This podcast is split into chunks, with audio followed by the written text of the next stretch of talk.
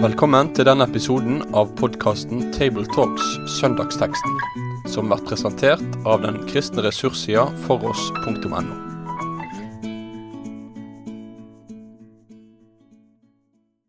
Velkommen til eh, noen minutters eh, samtale over en åpen bibel. Jeg heter Svein Granerud, og sammen med rundt bordet sitter Asbjørn Kvalbein og Egil Sjåstad. Og vi har slått opp uh, Bibelen i Johannesevangeliet fordi vi skal samtale om teksten for tredje søndag i åpenbaringstiden. Og prekenteksten for denne søndagen den skal vi lese sammen nå, fra Johannes 2 og de elleve første versene i Jesu navn.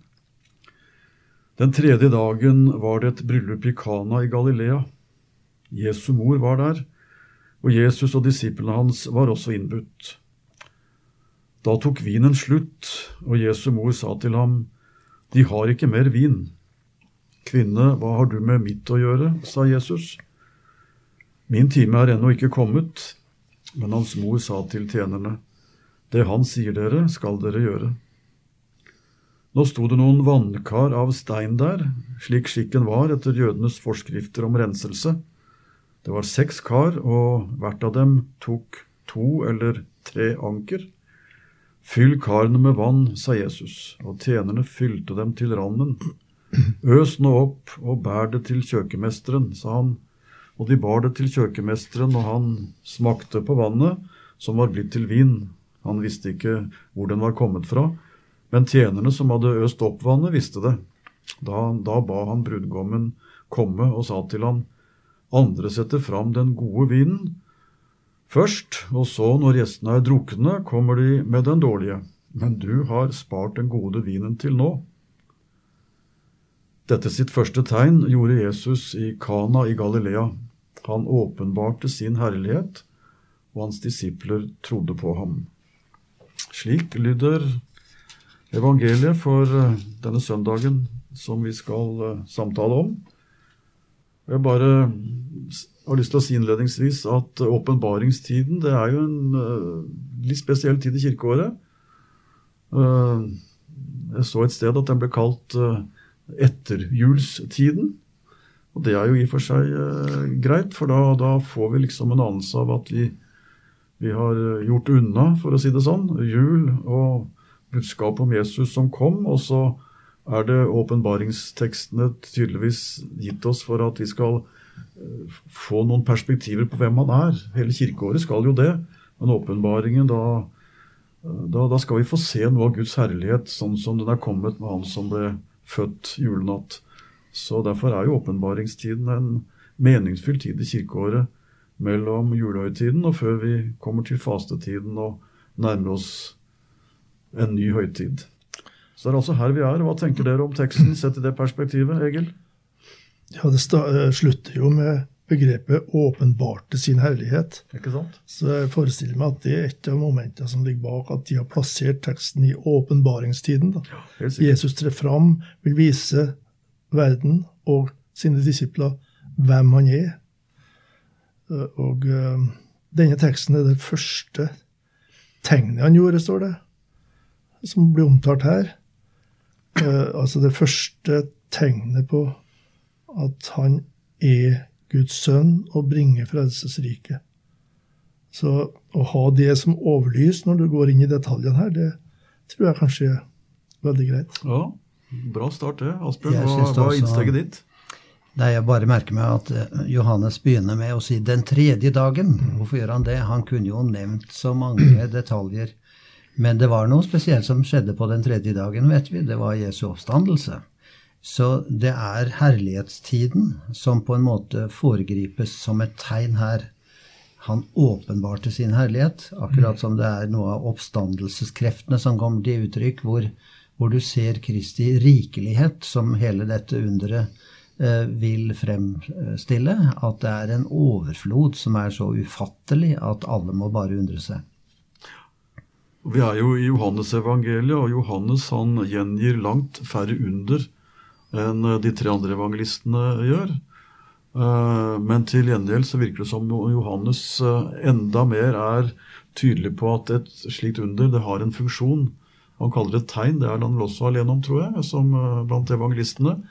Så Johannes vil jo lære oss at eh, det vi leser når, vi, når han gjengir noen av disse mektige gjerningene fra Jesus' side, så, så, er det alltid tegn om noe. Vi må spørre hva som er meningen med det. Det er ikke bare en interessant beretning, men det er et tegn som gjør at vi skal se og ane noe større.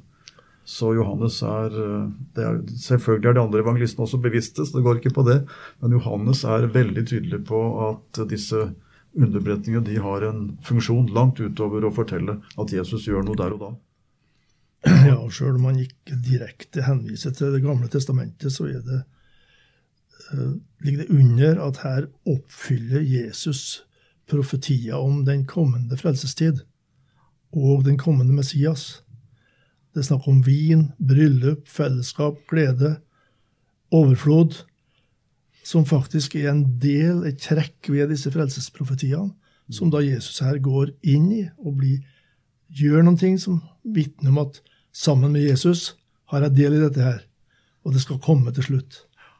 Ja, og Det ytre i dette er jo at det er seks sånne svære kar, og de rommet altså minst 100 eh, liter, eller et sted mellom det. så hver, hver. hver av dem. Så det ja. kunne jo være bortimot en kubikkmeter med, med, vin her. Og det tyder jo på at de skulle ikke drikke opp alt dette. Det var en gave også til uh, som drikker videre for dette brudeparet, har jeg tenkt meg.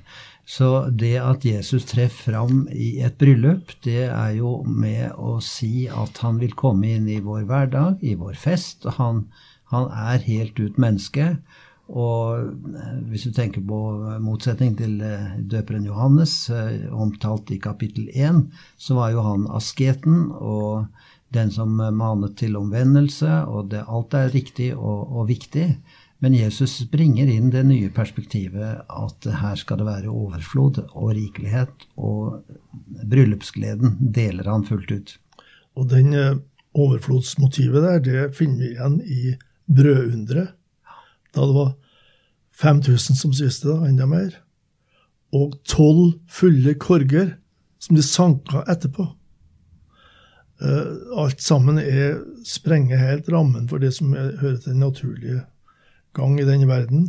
Så Jesus gjør disse undergjerningene for å signalisere noe om riket han kommer med. da. Men har dere tenkt over det der um, replikkvekslingen med sin mor? Hvordan skal vi forstå den? Den er jo oversatt litt forskjellig, men er det en korreks til henne, eller hvordan skal vi forstå det?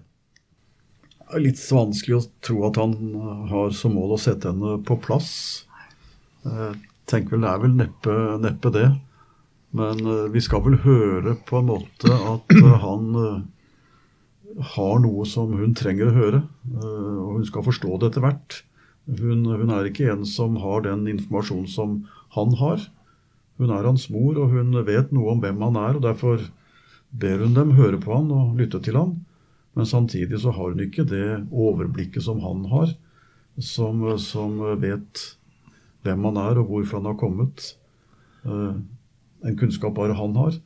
Så det, det, viser vel på en måte at Jesus og Maria tross alt er på ulike plasser i, i det nivået som, eh, som, Maria tror jeg selv innser. Så hun er en røst som peker på Jesus, og samtidig så er hun en som selv må stå ved Jesu kors litt senere og være like avhengig av det som skjedde der, som de andre disiplene som sto der. Jeg lurer på om ikke også det ligger en, et uh, lite drag av å, å prøve Maria her, altså. Han svarer på en sånn måte at hun kanskje kunne fristes til å kutte ut det hun har planlagt nemlig å si 'gjør det han befaler'. Men hun gjør det likevel. Jeg har nettopp lest en bok der det står om at Gud prøver sitt folk, og gjør det ofte på mange merkelige måter. Det kan nesten oppleves som en leik Gud driver med oss i anfektelse og prøvelse. Ludus dei heter det på latin. Mm. Guds lek.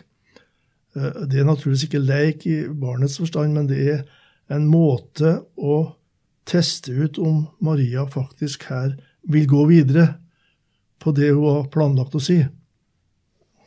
Og så er det naturligvis sant det Jesus sier, 'min time er ennå ikke kommet', hvis han med timen mener hans kors og oppstandelse som time betyr lenger ut i skriftet. Her kan det jo også bety timen for hans framtreden. Men den var jo kommet, for den kom jo her, da. Ja, så Han må vel si på en eller annen måte at du, Maria, har noen forventninger nå som kanskje ikke er helt riktige.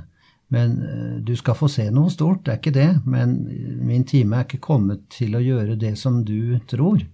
Og så sier hun da ydmyket jeg, jeg forstår jo ikke det han sier nå, men, men jeg går til tjenerne og sier dere må høre på Jesus. Jeg forstår ikke Jesus helt nå, men dere kan gjøre det han sier likevel.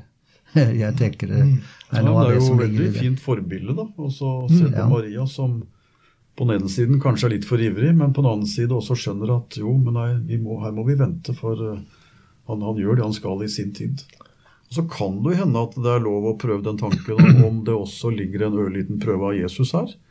Nemlig at nå har du sjansen, Jesus. Klem til med det samme, ja, så, så, skal du se at det nå fylker det seg om deg. Det er liksom en sånn, det er en mor som, som har med sønnen sin og tenker han, dere, dere skulle bare visst hva han kan. ikke sant? Så, så, så må Jesus der, som eh, andre ganger, eh, sette henne på plass forsiktig og så si at eh, dette, dette må skje i sin tid. Han ble fristet før Jesus av en som ville ham vondt. Og da måtte han også opptre slik som uh, bare han visste han måtte. Så begge disse perspektivene mm. kan jo ligge der, uten at vi skal kanskje gjøre det til hovedsak, men det er spennende å reflektere litt over det. Mm. Denne vinen, da, dere. Uh, det var veldig mye vin, og det fins jo dem som syns at Jesus kunne vist sin, herlighet med bedre ting enn å servere så masse vin. Nå hadde vel ikke så mye alternativer som drikkevarer, og vinen etter hva jeg har lest var vel ikke så sterk at det nødvendigvis ble altfor mye drukkenskap av det, men det er nå en sak for seg. Men vin er vel et tegn på overflod og på fest. Og det er vel derfor, eh, som du også var inne på, Asbjørn, at det vi ser her, er en frelser som, som, eh, som viser at han er der, ikke bare i sorg og i sykdom, som det er mange eksempler på i Skriften, men også er der i gleden. Eh, så det betyr at han er hos oss i alle livssituasjoner. Og så er jo bryllupet den eh, livsbegivenheten som oftest brukes i evangeliene til å peke framover mot eh, en fest som ennå gjenstår, når alt er, er, slik som det en gang skal bli, og vi samles i den siste bryllupsmåltid. Så det peker vel framover også?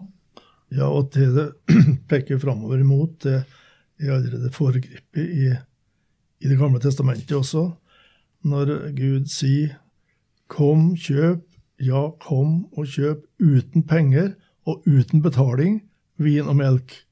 Så overfloden vi får del i, som dette underet i Kana også signaliserer, det er fullstendig ufortjent. Ja, en må vel også si da at um, det de hadde å drikke på den tid, var jo rett og slett eh, vinen. Og det var De hadde jo vandret lenge i ørkenen, og da var det bare vann å få tak i. Så å komme inn i et land som fløt av melk og honning og vin og det som jorden bar fram, det var eh, veldig stort. Og dermed var jo vinen altså egentlig presset druesaft. Og den ville naturlig, når du ikke hadde kjøleskap og sånn, den ville gjære. Men eh, de drev naturligvis ikke destillerte dette her slik at det ble brennevin. Den teknikken har vi aldri hørt om i Bibelen. Det var altså svakt gjæret vin, og den kunne være mer eller mindre gjæret. Men jeg skal ikke gå inn i detaljene der. Poenget er jo at dette er noe med fest. Det er eh, noe som jorden har båret fram til vår velsignelse, skaperverkets gode gaver. Og det går an å være avholdsmann likevel, i vår kontekst og vår kultur, men eh, samtidig se denne store sammenhengen av eh, hva Jesus har gjort som et under, og at det jo peker også mot nattverden, hvor vin spiller en rolle som et tegn på Kristi dyreblod gitt for oss. Um, men det er interessant at det her brukes altså mange vers til å forklare dette underet, og replikk rekkene mellom kjøkkenmesteren og Jesus og Maria. Eh, så det er detaljert, så, så vi skal skjønne at dette er virkelig. Det er eh, en reportasje, så å si. Men eh, Jesus har spart den gode vinen, og det ligger en peker framover mot herligheten en gang i fremtiden. Ja, og så vet jeg at det er en del som også gjør et poeng av at uh, disse karene som Jesus uh, gjør vin i istedenfor det vannet som er der, det er jo renselseskar som, som sto der etter Skriften og forskriftene om renselse. Og på en bryllupsfest så var disse skikkene selvfølgelig også i hevd. Det skulle renselse til. Uh, ting var at man skulle bli vasket både på føtter og hender når man kom som gjester til et hus. Det har vi jo eksempler på i Det nye testamentet. Men her er det bryllup, og da opptrer man etter forskriftene fra Det gamle testamentet. Vi kan lese om det i Mosebøkenes og anvisninger. Og her har man forholdt seg til det, og antagelig utvidet det noe også, fordi skriftlærdommen på Jesu tid den var nøye med å ta dette på alvor. og Det gjorde de tydeligvis etter bryllupet her. Og så blir altså de, de, de, karene som representerer den gamle pakts forskrifter, de blir brukt til den nye pakts glede. Og Dermed tenker jeg det er, er dette også et budskap om at nå er det en pakt som er til ende.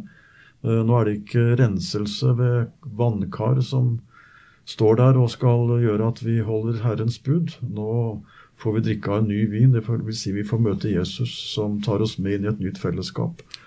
Så det er noe fra den gamle til den nye pakt her som vi også kan knytte noen tanker til, tror jeg, når disse gamle karene med vann de blir plutselig bærere av festens glede i, sammen med Jesus.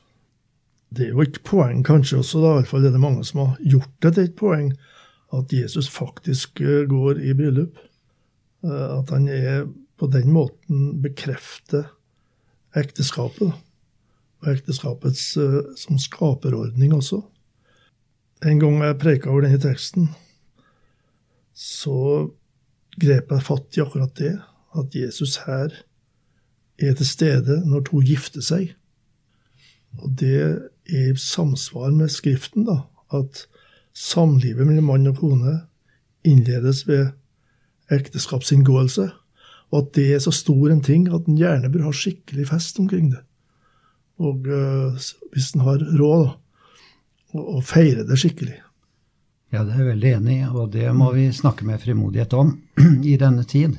Men vi må jo også kunne si at, uh, som du var inne på, at det er ikke alle som har råd til å lage en kjempefest. Og det er mange som avholder seg fra et skikkelig bryllup i dag fordi det ene er å ha råd til det, det andre er at det er så kompliserte relasjoner i slekt og venner. Du vet ikke hvem skal vi innby, hvem blir fornærma om de ikke blir invitert, osv. Så, videre. så man klarer ikke å løse den kabalen der. Men uh, det en må håpe, er at en i alle fall får til en fest og markerer at uh, det er et før og et nå, og at dette er noe Jesus uh, ønsker, og at han vil være til stede og han vil vise sin herlighet nettopp i denne gode ordningen som er gitt fra skapelsens uh, tid av. Og bryllup det er jo brukt uh, flere plasser i Bibelen. da. Det, og når jeg var liten, husker jeg, så drev Arne Aanmo møteserier i, i Trøndelag. Og innførte den sangen 'Du er innbudt til bryllup i himmelen'. Så jeg tenker kanskje at uh, ved en avslutning av en sånn søndagspreken, så ville jeg latt den invitasjonen lyde fra prekestolen. Ja, det syns jeg er en god, god, idé. Nei, dere, det er sant. Det, det er ikke alltid enkelt, dette med hvem man skal be i våre fester. Det er blitt mer og mer krevende etter hvert. Men, men Jesus er det risikofritt eh, å innbe. Og han, han, kommer. Og der hvor han er, så hender det at andre relasjoner også blir litt lettere å håndtere. Så selv om vi sier det med et smil, så, så tenker jeg at det, det er litt flott å se at Jesus og disiplene de lar seg invitere. Og Nå vet vi jo litt om skikkene i den kulturen, og sånn er det faktisk i dag også. At man inviterer ofte bredt. Jeg har faktisk vært i noe bryllup i den delen av verden. og, og det var flere hundre. Det, var ikke fest og galla, men det var eh, mange som var der, og man gledet seg sammen. Så nå den, den, den kulturen der forteller iallfall om at uh, det er verdt å feste eller glede seg over. At noen finner sammen, og at de gifter seg. Og Jesus lar seg gjerne invitere til, til sånne fester. Men dere, Vi nærmer oss avslutningen, og, og vi nevnte allerede først, det var du, Egil, som, som vendte blikket på avslutningsverset, at dette sitt første tegn gjorde Jesus i Kana i Galilea. Han åpenbarte sin herlighet. Åpenbare det betyr jo at noe som er skjult, blir synlig. Det er det som er grunnbetydningen av ordet åpenbare. Så Jesus gjør altså her noe, her noe som gjør at disiplene aner noe de ikke ville ha sett hvis ikke Jesus hadde gjort det. Når de ser det, så, så tror de på ham. Hva er det som skjer da, Asbjørn, når, når, når du ser noe du ikke har sett før? Ja, da blir det en aha-opplevelse ved Den hellige ånd, for å si det sånn. Eh, det er stort, vet du, når mennesker blir frelst og ser det slik det skal være. Altså, et tegn er jo en peker, og det peker mot Jesus, mot frelsen, mot det sentrale. Det åpenbarte han her. Og jeg syns det er også flott poeng det at Galilea, det var jo et område hvor de sa kan det komme noe godt fra Galilea? Og Kana er jo da en liten landsby utenfor Galilea, eller i det området som var enda mindre kjent. Det var ikke noe beste vestkant, akkurat? Nei, det var det ikke. Nei. Slik at eh, det at Jesus kan åpenbare seg både i et helt ubetydelig sted og samtidig i en kjempestor fest, som det måtte være. Det var ikke sånn at dette var et bryllup der hver uke, liksom. Det var sikkert en stor begivenhet i Kana. Eh, så det, det er storheten og det lille som kommer fram her. Og så blir Jesus så desto mer strålende når han trer fram i en, en sånn sammenheng. Så um, her er også invitasjonen til at vi snakker fint og stort om Jesus og hans ærlighet. Så det håper jeg at jeg også får nåde til å gjøre, om jeg skal preke over denne teksten igjen. Um, disiplene hans trodde på ham. Det er konklusjonen. Det er det det skal føre til et tegn. Ja, hva, Egil, hva tenker du Nei, Jeg vil være bladd fram til Johannes 10 her nå. Ja. Og Der sier Jesus og Jeg tenker at mange som ikke tror og forestiller seg at de har vært en kristen, det er noe ynkelige greier. Så sier Jesus, 'Jeg er kommet for at de skal ha liv og ha overflod'. Og Det signaliseres jo her ved dette bryllupet. Overfloden og eh, hvis vi ser livet vårt i evighetsperspektiv, så er det glede, jubel og overflod vi innbyr mennesker til som ikke kjenner Jesus. Nei, men det, det er en fin sak å runde av med, det der. Uh, den gode hyrde. Det må det lov å trekke inn. Det er han som er her nå også. og Disse som gifter seg, de kan ikke gjøre noe bedre valg for framtida enn å la han som de inviterte som gjest, få være medvandrer og hyrde for det livet de skal dele sammen. Og så er det mye å gjøre da, å si til hverandre på denne søndagen ikke så lenge etter jul at det fortsatt gjelder å ha øynene med seg og se. Og jeg prøver å si det sånn ofte at uh, troens øye, for det er jo det vi snakker om her Troens øye, det ser det som troens øre hører. Så hvis vi som sitter her, og dere som lytter, vil uh, se det disiplene hører, så, så får vi høre beretningen om Jesus og høre det han sier. For da får troens øye et glimt av det som de fikk se. Så da takker vi for eh, samtalen og ønsker lykke til til alle som eh, skal preke, og alle som skal lytte til eh, denne teksten tredje søndag i åpenbaringstiden. Med det sier vi takk for følget for denne gang. Finn flere ressurser, og vær gjerne med å støtte oss på foross.no.